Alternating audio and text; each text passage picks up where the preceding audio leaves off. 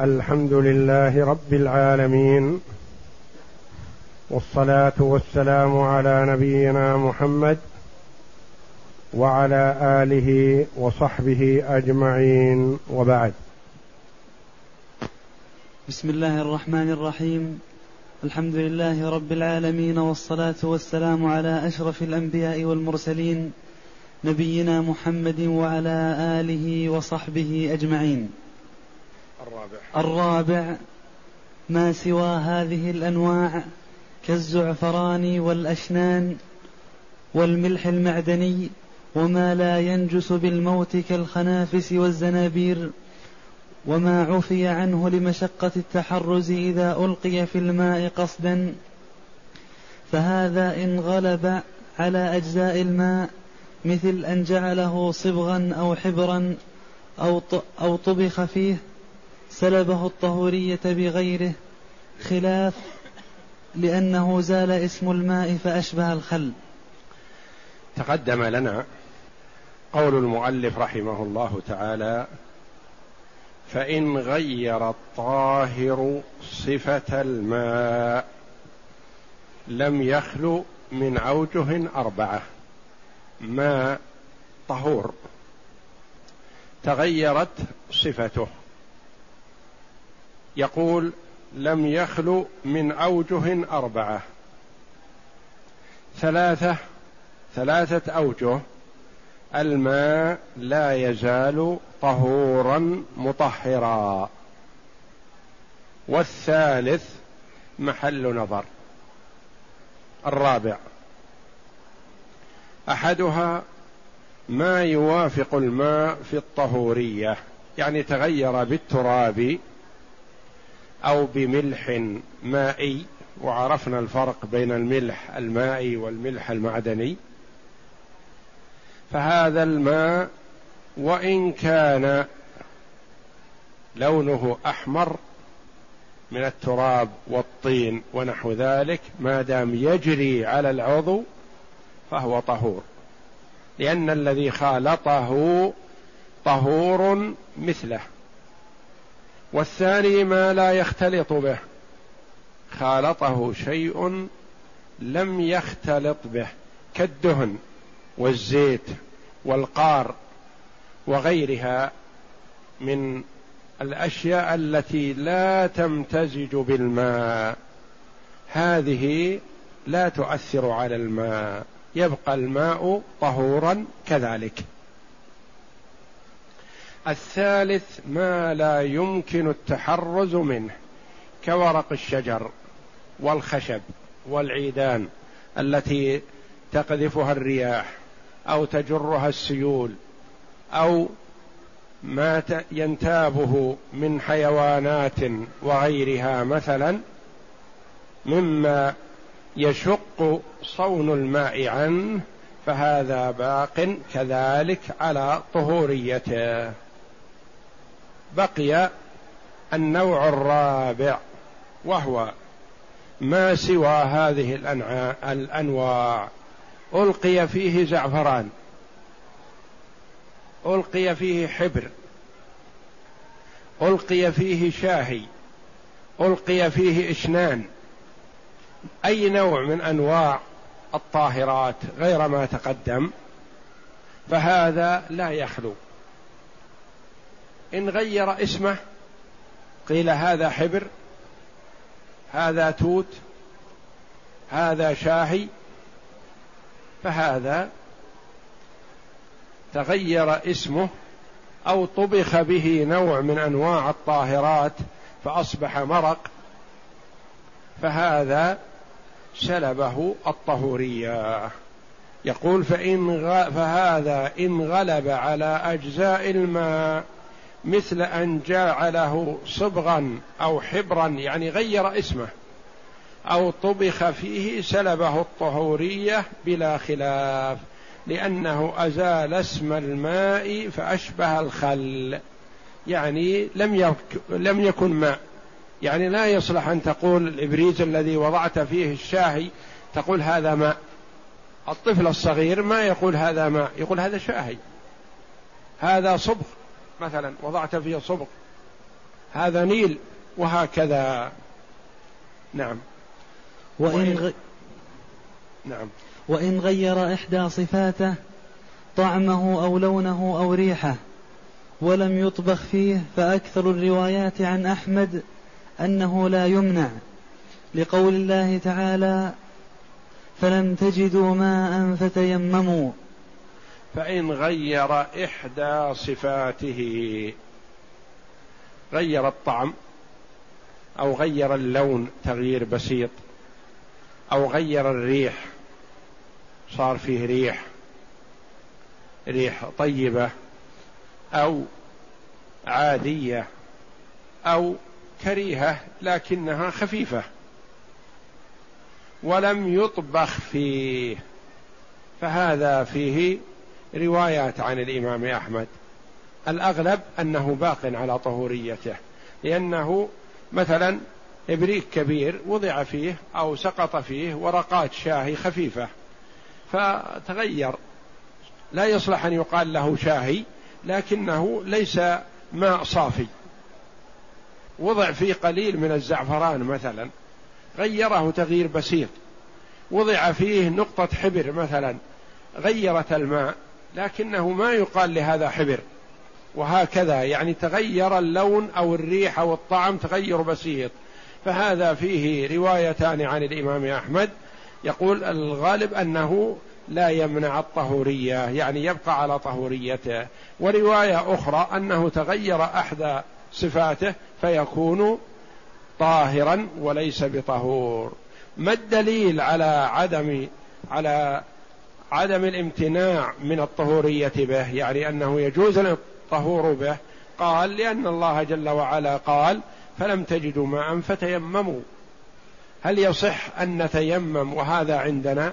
لا لأن هذا ماء. هذا استدل به على أنه يتطهر به. لأن الله جل وعلا أباح لنا التيمم متى؟ إذا لم نجد الماء. أما هذا الماء الذي مثلا وضع فيه نقطة حبر غيرته نتركه ونتيمم؟ لا نتوضأ من هذا وهكذا. نعم. ولأنه خالطه طاهر لم يسلبه إسمه ولا رقته ولا جريانه أشبه سائر الأنواع. نعم. لأنه خالطه طاهر. أولا هذا الذي خالطه من حبر أو زعفران أو شاهي أو غيره من الأشياء. أولا هو طاهر. هذا الشيء ليس بنجس. فيقال أثر عليه. طاهر. فلم يسلبه ولم يسلبه اسمه. يعني ما ما يقال إن هذا شاهي. إذا سقط في القدر الكبير مثلا قليل من حبات من اوراق الشاي ما يقال إن هذا شاهي. ما سلبه اسمه. هذا ماء ولا رقته. يعني ما صار ثخين. ما صار ثخين متين مثلا غليظ.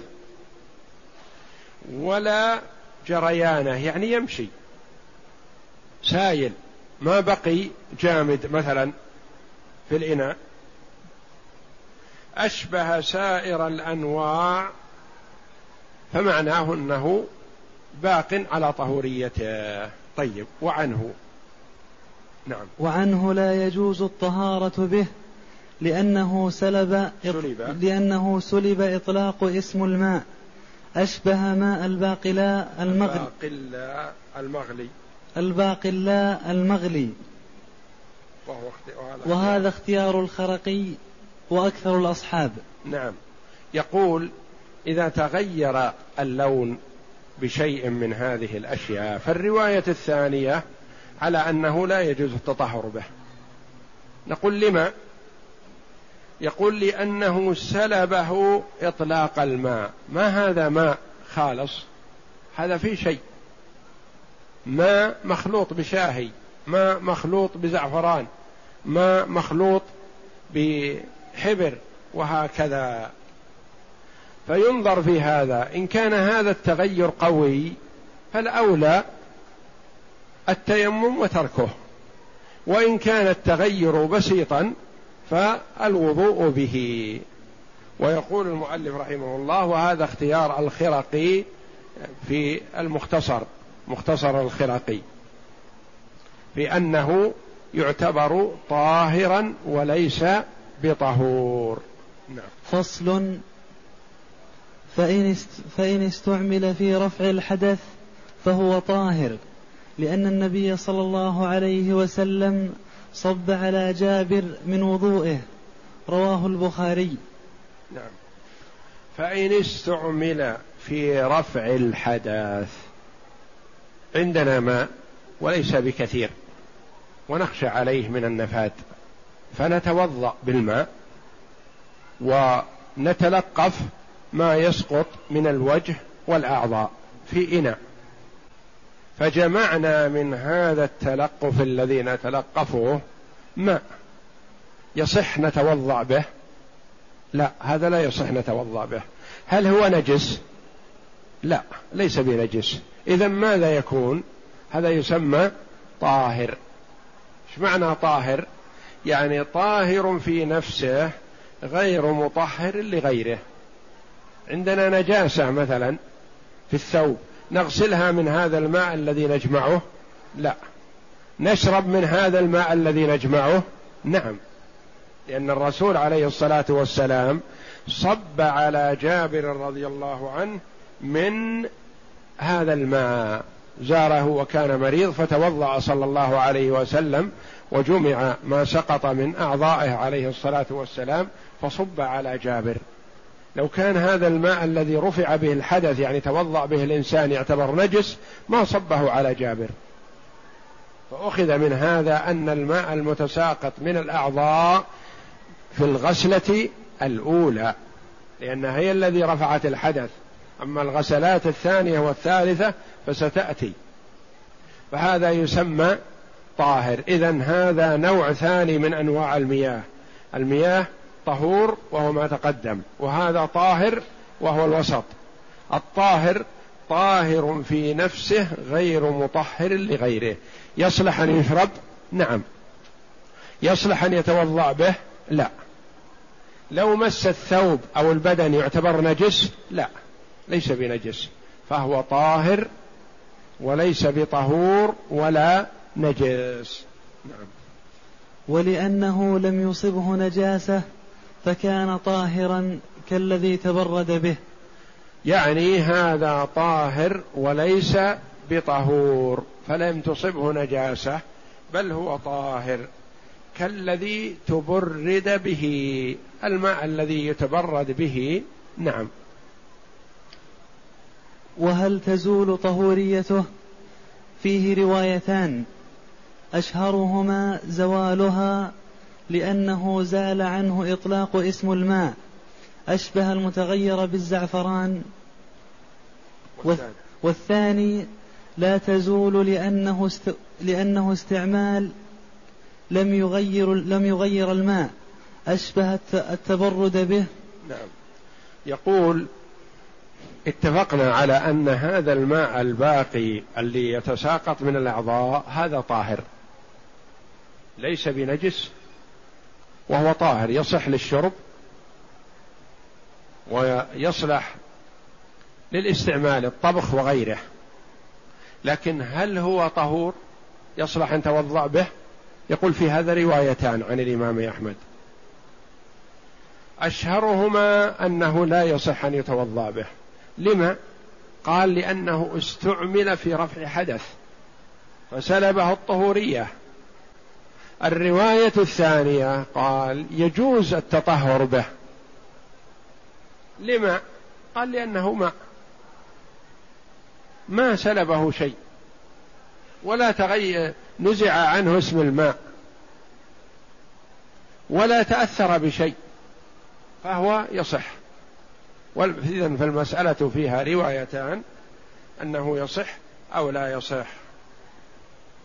والأكثر على أنه لا يتوضأ به ما دام أنه توضئ به فلا يستعمل مرة أخرى. يعني كأنه استعمل في شيء مهم فيكفيه ذلك فلا يستعمل في مثله. يعني استعمالنا إياه كأننا أخذنا المقصود منه استعملناه فنكرر أشبه ما يكون مثلا برمي الجمار مثلا. الجمرة رمينا بها. هل نأخذها مرة ثانية ونرمي بها؟ أدينا بها عبادة يكفي. وكذلك هذا الماء توضأنا به غسلنا به الأعضاء فلا نأخذه نغسل به مرة ثانية. وإن استعمل في طهارة مستحبة كالتجد قوله أشبه التبرد به بخلاف ما إذا اغتسل به للتبرد فهو ما يسلبه الطهورية. يعني عندك ماء مثلا فأحسست بألم برأسك أو حرارة أو نحو ذلك وصدرك فأخذت من الماء وبدأت تغسل رأسك وتغسل صدرك وتجمع الماء. هذا. هذا الغسل لم يكن لرفع حدث وإنما هو للتبرد فقط. إذا هذا يصح الوضوء به لأنه لم يرفع به حدث. مثل لو دخلت فيه يدك مثلا ما أدخلت فيه يدك مثلا ما تأثر عليه. فالماء المتجمع لا يخلو إن كان تجمع نتيجة الوضوء غسل الأعضاء فهذا سلبه الطهورية والرواية الثانية لم يسلبه. أو إن كان تجمع نتيجة تبرد أنت تبردت به وجمعته مثلا. فهذا لا يسلبه الطهورية لأنك لم ترفع به حدث فهو على حالته. وإن استعمل في طهارة مستحبة كالتجديد وغسل الجمعة والغسلة الثانية والثالثة وغسل الجمعة لأن الجمعة غسل. نعم. وغسل الجمعة والغسلة الثانية والثالثة فهو باق على إطلاقه لأنه لم يرفع حدثا ولم ولم يزل نجاسا. نجسا. ولم يزل نجسا, نجسا. نعم. نعم. وعن وإن استعمل في طهارة مستحبة كتجديد وضوء وغسل جمعة. والغسلة الثانية والثالثة فهو باق على إطلاقه لأنه لم يرفع به حدث ولم يزل به نجس. نعم. الماء عندنا قليل فعندنا إناء قدر فيه ماء. نحب أن نتوضأ به ونحب أن يكون وضوءنا موافق للسنة. مستكمل الوضوء الكامل. ونحب أن نحفظ الماء فلا نضيع ماءنا. قد يقول الأب لولده لا تضيع الماء يا ولدي غسلة واحدة ليدك وغسلة واحدة لوجهك. نحن في حاجة إلى الماء. فيكون الولد أفقه من أبيه. يقول نعم أنا أغسل ثلاث غسلات. لكن سأجمع كل الماء الذي يتساقط مني ونستفيد منه. فغسل الولد أعضاءه كل عضو ثلاث مرات. ويحب أن يحفظ الماء ليرضي والده. فماذا يفعل؟ إذا كان فقيها يغسل وجهه. فالغسلة الأولى يجمع ما يتساقط في إناء ثم يغسل الغسلة الثانية ويجمعه في إناء آخر ثم يغسل الغسلة الثالثة ويجمعها مع الإناء الآخر. يعني يكون عنده إناءان إناء يجمع فيه الغسلة الأولى وإناء يجمع فيه الغسلة الثانية والثالثة. لما؟ يقول له أبوه لما تتصرف هذا التصرف يا ولدي؟ يقول لحفظ الماء وللاستفادة منه. الغسلة الأولى اللي يتساقط من الغسلة الأولى يصلح لماذا؟ يصلح للشاهي يصلح للقهوة يصلح للطبخ لأنه طاهر وليس بطهور. اللي يتساقط من الغسلة الثانية والغسلة الثالثة يصلح يتوضا به للوقت الآخر. واضح الفرق بين ما يتجمع من الغسلة الأولى والغسلة الثانية؟ الغسلة الأولى رفع به حدث فهو طاهر وليس بطهور. هذا نعزله على جنب للطبخ والشرب. يغسل الإنسان وجهه مثلا الغسلة الأولى ثم ليتساقط من وجهه يشربه ما في حرج. ما طاهر الحمد لله. أو يعمل فيه الشاي والقهوة والطبخ وغير ذلك. أو تغسل به الأواني مثلا غير المتنجسة. أواني بعد الطعام مثلا تغسل بهذا الماء الطاهر. لأن ليس المراد تطهيره وإنما المراد تنظيفه فقط. ما يتساقط من الغسلة الثانية والثالثة يصلح أن توضأ به للوقت الآخر. لأن رفعنا الحدث بالغسلة الأولى والغسلة الثانية والغسلة الثالثة نجمعه نتوضأ به مرة أخرى. وهذا معنى قوله رحمه الله وإن استعمل في طهارة مستحبة. الطهارة المستحبة؟ مثلا توضأ لصلاة الظهر. توضأ لصلاة الظهر وضوء كامل وصلى. ثم دخل وقت صلاة العصر وهو على طهارة. لكن أخذ قليلا من الماء من أجل أن يتوضأ به وضوء بدون استنجاء وبدون أن يمس العورة. بل جدود كما يقال مثلا. هذا يسمى طهارة مستحبة. يلزمه أن يتطهر هذه الطهارة؟ لا. ولكن أراد أن يتوضأ وضوء مستحب. فليتساقط من هذا الماء في الطهارة المستحبة طهور. لأنه ما رفع به حدث. الحدث مرتفع من أول. وإنما طهارة مستحبة وكذلك غسل جمعة. غسل الجمعة ليس بواجب على المشهور. فأراد أن يغتسل في طشت مثلا ويجمع ما ينزل منه. يعتبر طهور هذا لأنه استعمل في طهارة مستحبة ولم يستعمل في غسل جنابة. غسل جنابة ارتفع به حدث لكن غسل جمعة ما ارتفع به حدث وإنما سنة. هذه الأنواع غسل مس... وضوء مستحب غسل مستحب. غسلها الثانية والثالثة باق على طهوريته ولم تزل به نجسا وعنه أنه غير مطهر لأنه استعمل في طهارة شرعية أشبه المستعمل في رفع الحدث يعني رواية أخرى أنه لا يصح الوضوء به لكن تلك هي المشهورة أنه يصح الوضوء بالمستعمل وتقدم لنا في الزاد أنه من المكروهات الوضوء استعمل في طهارة مستحبة مما يكره يعني ويصح أن يرفع به الحدث. نعم.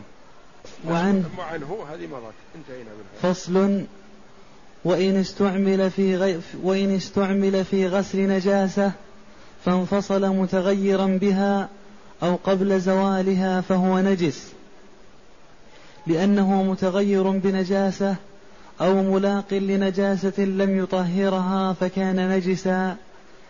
كما لو وردت. كما لو وردت عليه نعم. وإن استعمل في غسل نجاسة فانفصل متغيرا. نجاسة في الثوب مثلا. فغسلت. فلينزل من غسيل الثوب النجس هذا نزل متغير بالنجاسة. هذا وش يس... ماذا يسمى؟ ماء نزل من غسيل النجاسة. متغيرا بها. هذا نجس. لأنه ماء قليل متغير بالنجاسة فهو نجس. أو قبل زوالها يعني بعد زوالها نزل متغير أو قبل زوالها نزل متغير فهذا نجس لأنه غسالة نجاسة. نعم. وما انفصل أو ملاق لنجاسة لم يطهرها. كذلك إذا مر بنجاسة مثلا مر بنجاسة ولم يطهرها يعني ما زال أثر النجاسة فهذا الماء الذي مر بالنجاسة نجس. كما لو وردت عليه. نعم. كما لو وردت عليه يعني سقطت النجاسة في الماء القليل فغيرته فهو نجس. نعم. وما انفصل من الغسلة التي طهرت المحل غير متغير فهو طاهر إن كان المحل أرضا لأن النبي صلى الله عليه وسلم أمر أن يصب على بول الأعرابي ذنوبا من ماء متفق عليه. فلو انفصل من الغسلة التي طهرت المحل صفة نحتاج إليها واقعية. تقع عندنا كثير مثلا. فيه بول في الأرض هذه. محيط هذا البول مثلا عشرين سنتي في عشرين سنتي مثلا. جئنا بماء وصببناه على مكان هذا البول. فاتسع. صار بدل ما هو بعشرين سنتي مثلا في عشرين سنتي مسافة شبر في شبر مثلا أصبح ذراع في ذراع اتسع. فما الحكم؟ هذا الماء قد يقول قائل مثلا لو المسألة بالعقل والفكر كان قد يقول قائل هذا الماء نقل النجاسة من هذا المكان الضيق وانتشرت في المكان الواسع. نقول لا يا أخي هذا الماء نزل على النجاسة فطهرها. وانتشر ولا ما انتشر؟ كل واحد. ما دامت أرض لما؟ ما دليلكم على هذا؟ دليلنا فعل المصطفى صلى الله عليه وسلم المعصوم الذي لا ينطق عن الهوى. منين ناخذ تشريعنا؟ منه عليه الصلاة والسلام. ماذا قال في الأعرابي؟ لحكمة الله جل وعلا ساق هذا الأعرابي يجي يبول في المسجد. حتى نأخذ من هذه القصة فوائد عظيمة وتشريع. حكيم. من المصطفى صلى الله عليه وسلم.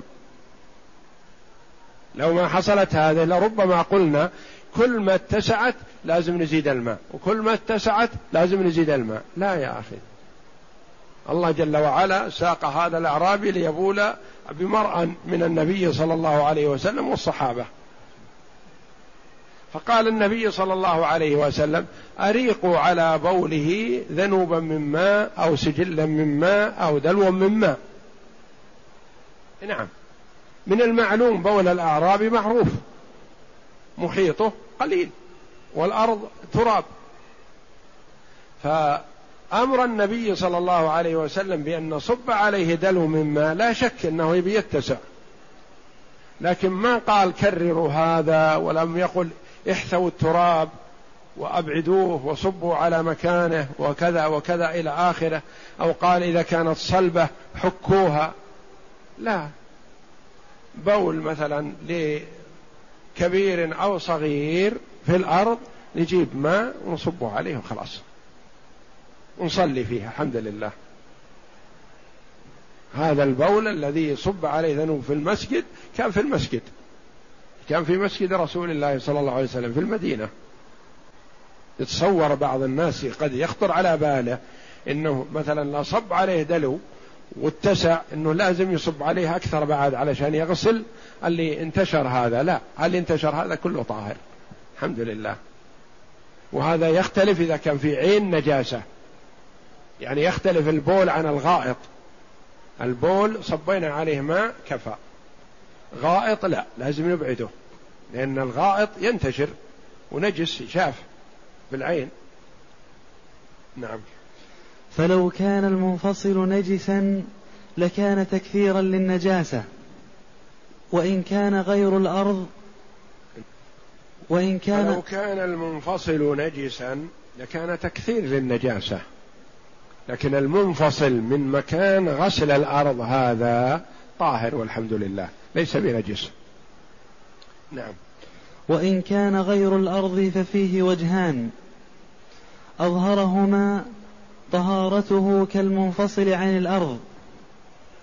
لأن البلل الباقي في المحل طاهر والمنفصل بعض المتصل فكان حكمه حكمة. نعم.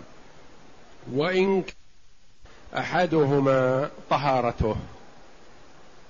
مثلا أنت معك ثوب فيه نجاسة فغسلته الغسلة الأولى فانتشر. يعني البقعة قدر الريال مثلا. فلما صببت عليه الماء أول صبة اتسع. ما يقتصر على قدرها الأول اتسع. هذا الذي اتسع ذا أصبح نجس زيادة نجاسة ولا لا؟ هذا هو الذي قال فيه قولان. أظهرهما أنه طاهر. لأنها صب الماء طهر النجاسة فزاد الماء. فحينئذ هو طاهر. لأن المتصل كالمنفصل. ومكان النجاسة الذي غسلته أصبح طاهر. فهذا مثله. نعم. والثاني هو نجس لأنه ماء يسير لاقى نجاسة فتنجس بها كما لو وردت عليه. كما لو وردت عليه. الثاني أن هذا الماء المنفصل يعتبر نجس. قال لأن هذا الماء ماء قليل. ولاقى النجاسة التي في الثوب فأصبح نجس. نقول لا هذا الماء صحيح أنه قليل لكنه لاقى النجاسة فغسلها.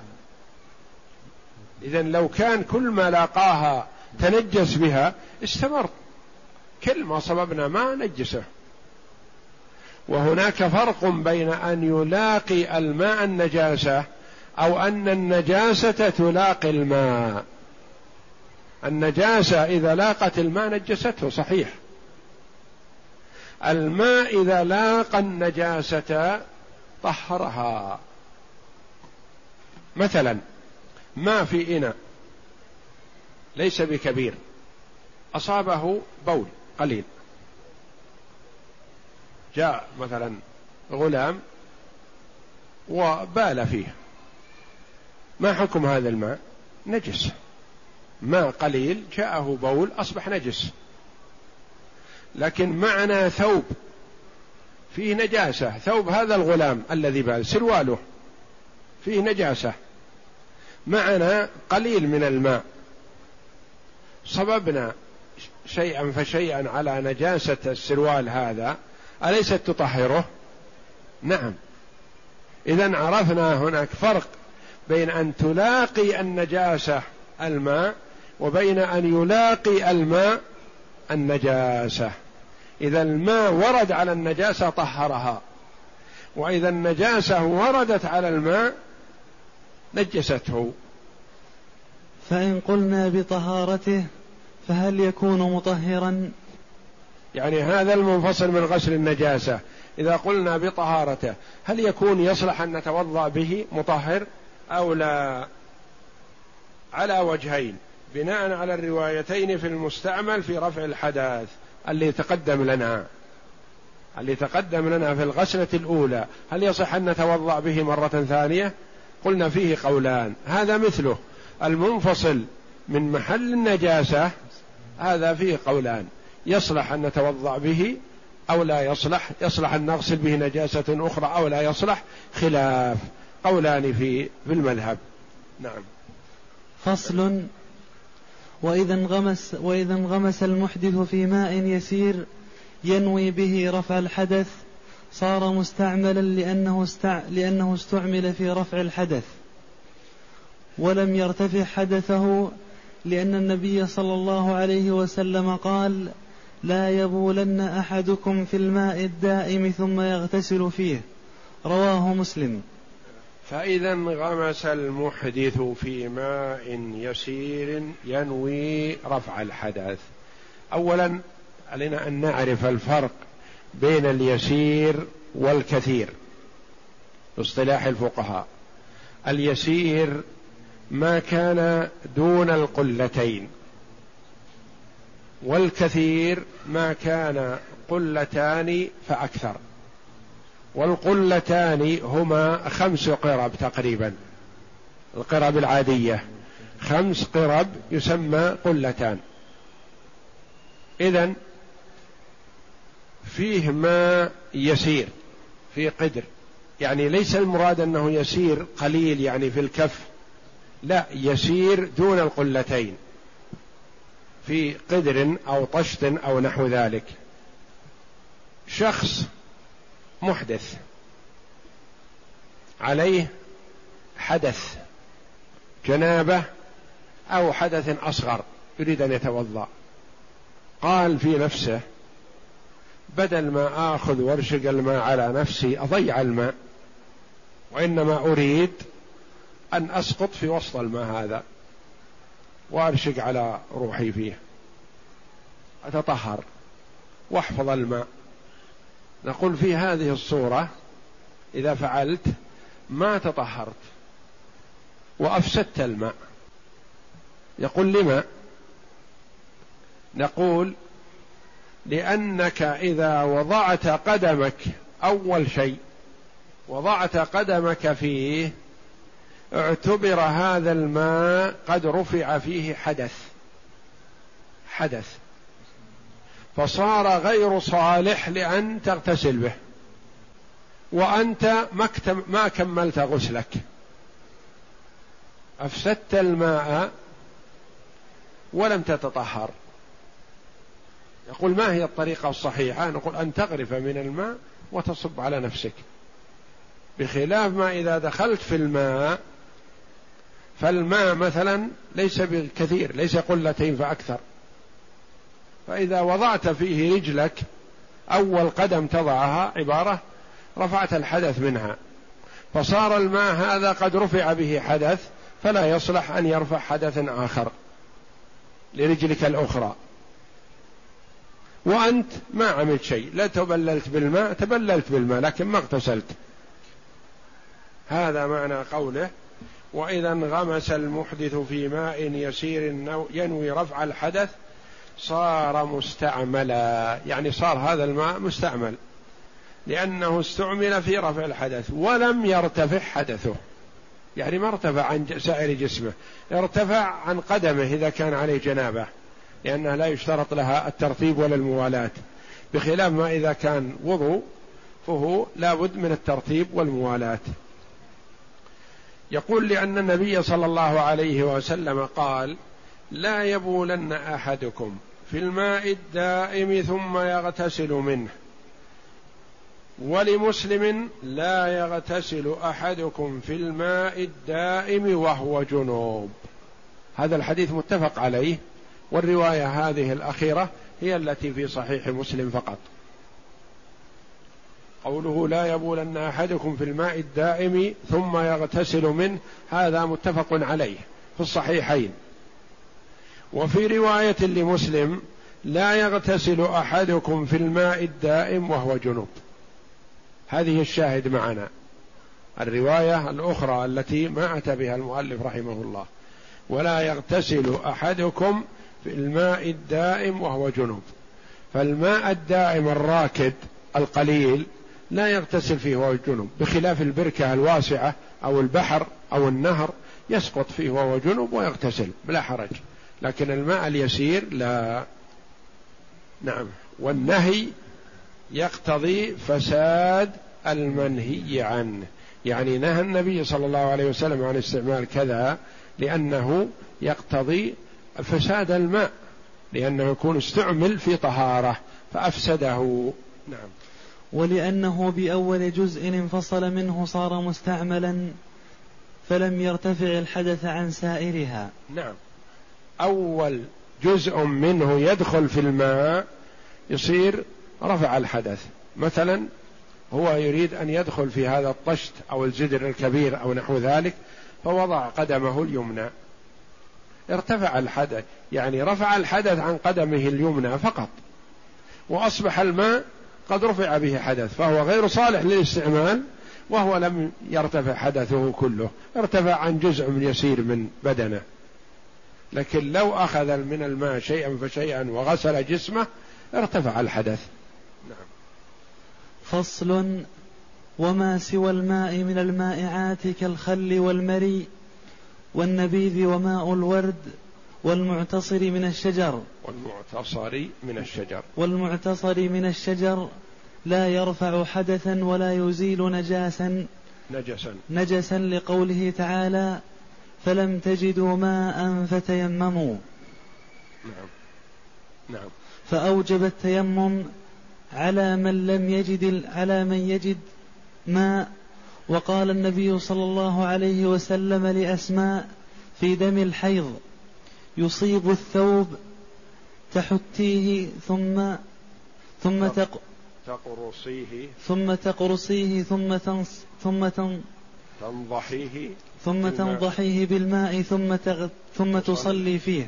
متفق. متفق عليه. فدل. فدل على أنه لا يجوز بغيره. لا يجوز بغير الماء. يقول وما سوى الماء من المائعات؟ ما سوى الماء من المائعات؟ كالخل. خل. مجمع من أنواع فأصبح خل. والمري المري لبن الناقة. اللبن حليب الناقة. والنبيذ ما ينبذ مثلا من التمر أو من الزبيب ونحوه. يعني يخلط ويمزج ويصير مثلا شراب. شراب عنب أو شراب تمر أو نحو ذلك. وماء الورد الماء الذي هو ماء الورد المعصور من الورد والمعتصر من الشجر.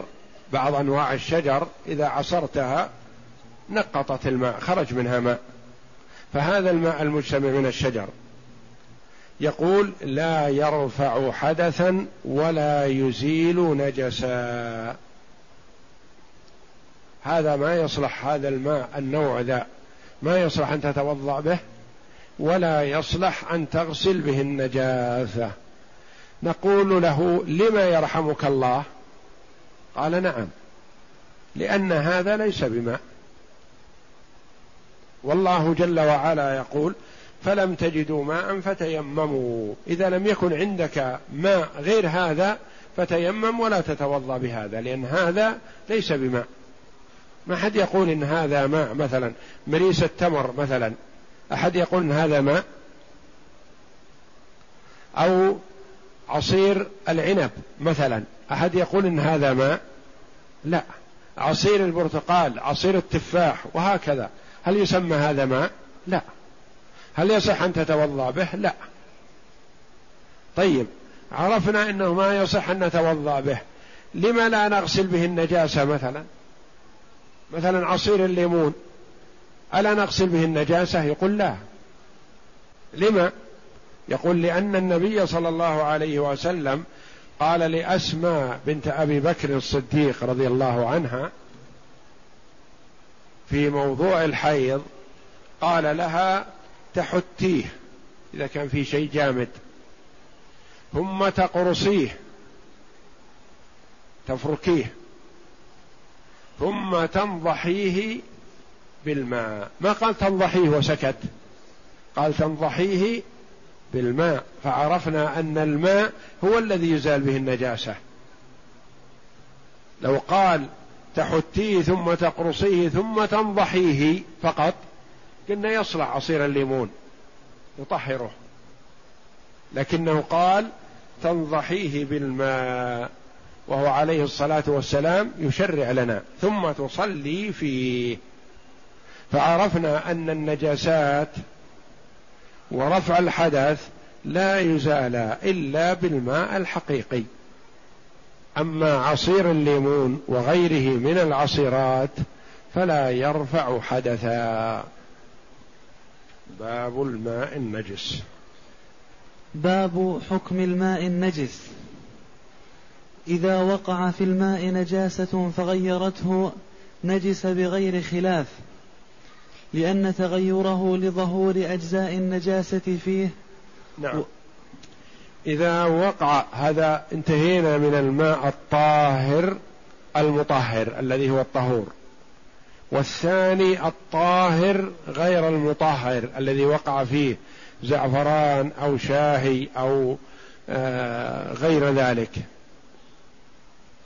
الآن في النوع الثالث من أنواع المياه وهو النجس. إذا وقع في الماء نجاسة فغيرته فهذا نجس بلا خلاف. مثلا إناء بقدر أصابته نجاسة بول أو غائط أو روث حمار أو كلب من الأشياء النجسة مثلا. فغيرته فلا إشكال أن هذا نجس. لأنه تغير بالنجاسة. النجاسة تفتتت فيه وذابت في هذا الماء فغيرته فأصبح كله نجس. يقول بغير خلاف. لأن تغيره لظهور أجزاء النجاسة فيه. نعم. وإن لم تغيره لم يخل لم يخلو. لم يخلو من حالتين. أحدهما أن يكون قلتين فصاعدا فهو طاهر لما روى ابن عمر رضي الله عنهما أن النبي صلى الله عليه وسلم سئل عن الماء وما ينوبه من الدواب والسباع فقال إذا كان الماء قلتين لم يحمل الخبث. رواه الأئمة. وقال الترمذي وفي لفظ لم ينجسه شيء. نعم. وقال الترمذي هذا حديث حسن. وفي لفظ لم ينجسه شيء روى أبو سعيد رضي الله عنه قال قيل وروى وروى أبو سعيد. وروى أبو سعيد رضي الله عنه قال قيل يا رسول الله أيتوضأ أحدنا من بئر بضاعة وهي بئر, وهي بئر يلقى فيها الحيض ولحوم يلقى فيها الحيض ولحوم الكلاب والنتن. نعم. يلقى فيها الحيض ولحوم الكلاب والنتن فقال الماء طهور لا ينجسه شيء. نعم. قال قال أحمد. قال أحمد حديث بئر بضاعة صحيح. قال أبو داود قد قدر قدرت بئر بضاعة بردائي قدرت بئر بضاعة بردائي فوجدتها ستة أذرع أو سبعة. ولأن الماء الكثير لا يمكن لا يمكن حفظه في الأوعية فعفي عنه كالذي لا يمكن نزحه. نعم. وإن لم تغيره ما سقطت فيه نجاسة غيرته هذا لا إشكال فيه نجس لأنه تغير بالنجاسة لم تغيره سقط فيه نجاسة لكن النجاسة ما أثرت فيه. فلا يخلو من حالين. قليل أو كثير. ما هو القليل والكثير؟ هل هو باعتبار رأيي ورأيك ورأي زيد وعمر؟ لا. القليل ما كان دون القلتين. والكثير ما كان فوق القلتين. والقلتان خمس قرب. وإذا كان في حجيرة من الأرض فقدرت بمتر وربع. ومتر ربع ومتر ربع. طول وعرض وعمق. ليس متر بل ذراع. ذراع وربع طول. وذراع وربع العرض. وذراع وربع العمق. هذا خمس قرب فأكثر. هذا يسمى كثير. وما كان دون خمس قراب فيسمى قليل. يقول فلا يخلو. أحدهما أن يكون قلتين فصاعدا يعني يكون الماء هذا كثير. فهذا لا تؤثر فيه النجاسة. عرفنا أنها لم تغيره لانها لو غيرته نجس. لكن ما أكثر من خمس قرب مثلا أصابه نجاسة ما غيرته. فيكون هذا طهور. لما؟ لأن النبي صلى الله عليه وسلم كان يتوضأ من بير بضاعة. وبئر بضاعة معروف في المدينة. بئر في حي بني ساعدة المدينة. وهذا البئر قيل أنه في مطمن من الأرض. فكانت السوافي تسفي عليه. وكانت الأمطار والسيول إذا جاءت شالت ما في طريقها وقذفته فيها. فصار ماء متغير تغير بسيط. وهذا الماء يعتبر كثير يعتبر أكثر من قلتين. فكان النبي صلى الله عليه وسلم يتوضأ منه وسئل عن الوضوء به فقال الماء إذا بلغ قلتين لم يحمل الخبث. وفي رواية لم ينجسه شيء يعني طاهر. ما دام لم يتغير وهو كثير فهو يطهر النجاسة التي تسقط فيه. يقول وهي بئر يلقى فيها الحيض ولحوم الكلاب والنتن. قال بعض العلماء رحمهم الله لا تظن أن الصحابة رضي الله عنهم يرمون هذه الأشياء فيه ثم يتوضؤون فيه.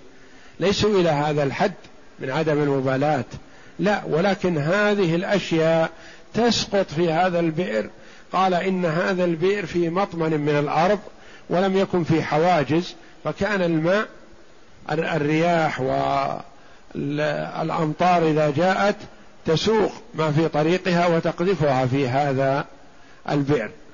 فكان هذا ماء البئر هذا متغير تغيرا بسيط بأشياء كثيرة. فكان النبي صلى الله عليه وسلم يتوضأ منه كما قال له أبو سعيد رضي الله عنه أبو سعيد الخدري أنا توضأ من بئر بضاعة؟ فقال عليه الصلاة والسلام إذا كان الماء قلتين لم يحمل الخبث. وفي لفظ لم ينجسه شيء.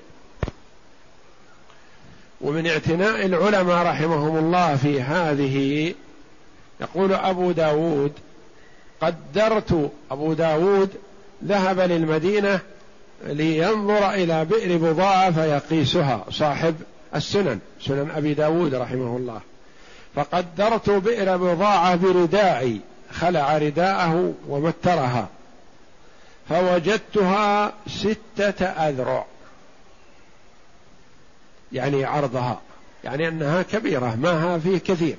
فسألت الحارس فسألت البواب الذي فتح لي فقلت هل غيرت؟ هذه؟ قال لا. هذا في المئة الثانية رضي الله عنه ورحمه. يقول هل غيرت بعد النبي صلى الله عليه وسلم؟ هل كبرت؟ وسعت؟ قال لا هذه على ما كانت عليه. ففهم من هذا أن الماء الكثير إذا تساقط فيه أشياء أنها لا تنجسه وإن كانت نجسة. يعني وإن كانت مثل الخرق التي تمسح بها الحيض أثر الحيض. مثلا هذه الخرق فيها أثر الحيض وترمى تسقط في هذا البئر مثلا. يسقط فيه شيء من اللحم الميت والفطيس وال... والذي مات آه، نجسا. فمعناه أنها لا ينجس الماء ما دام كثير لأن الماء الكثير لا ينجس بالشيء اليسير. وسيأتي الكلام على ما كان دون القلتين إن شاء الله والله أعلم.